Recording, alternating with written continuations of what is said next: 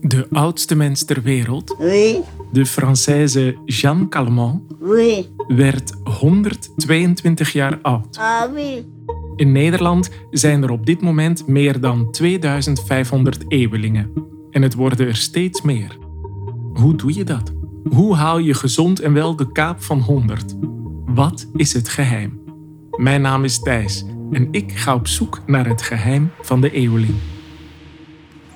En dan gaan we nu op bezoek bij Corrie van Splunder. En die wordt deze maand, ik denk zelfs volgende week, 100 jaar. Ik reis door het hele land op zoek naar 100-jarigen. Ik Hi. denk dat jij Thijs bent. Ik ben Thijs, Kom verder. Kijk, Oh, Dag, ja, kom binnen. hallo, dank. Het is nogal stormachtig buiten. Ik vertel hen over mijn podcast. een podcast. Dat is dus iets wat ik niet bevatten kan wat het is, precies. Hè? Over mijn zoektocht naar het geheim van de eeuweling. Samen gelukkig zijn. Misschien dat dat het geheim is. Ik, geen idee. Je hebt mooie krullen, zeg. Dat Ja, dat is heel wat anders. Kun je niet een beetje overzetten op mijn... Er is ruimte genoeg. Maar hoe worden deze mensen zo gezond oud? Is er een recept?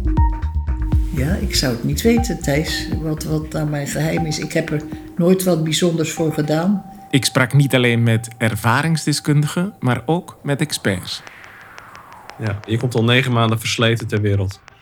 Je bent eigenlijk negen maanden ouder dan je denkt. Om uiteindelijk via de ontdekker van de Blue Zone in Sardinië terecht te komen. You should go to Villa Grande and I will announce your visit if you want. I may say that uh, my good friend will come to see you. Blue Zones zijn gebieden in de wereld waar mensen uitzonderlijk lang en gezond leven.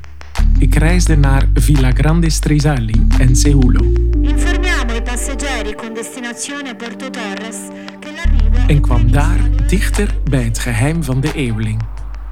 Luister nu naar de podcastserie. Iedereen denkt dat ik wel gauw dood zou gaan, behalve ik, denk ik dan soms.